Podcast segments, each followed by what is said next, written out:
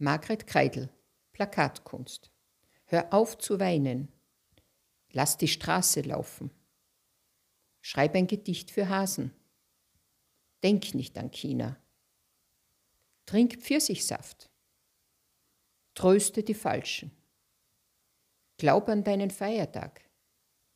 Handle schnell. Kümmere dich nicht um die Zahnpasta. Einfache Erklärung. Der Traum ist eine Wunscherfüllung, sagt Sigmund Freud.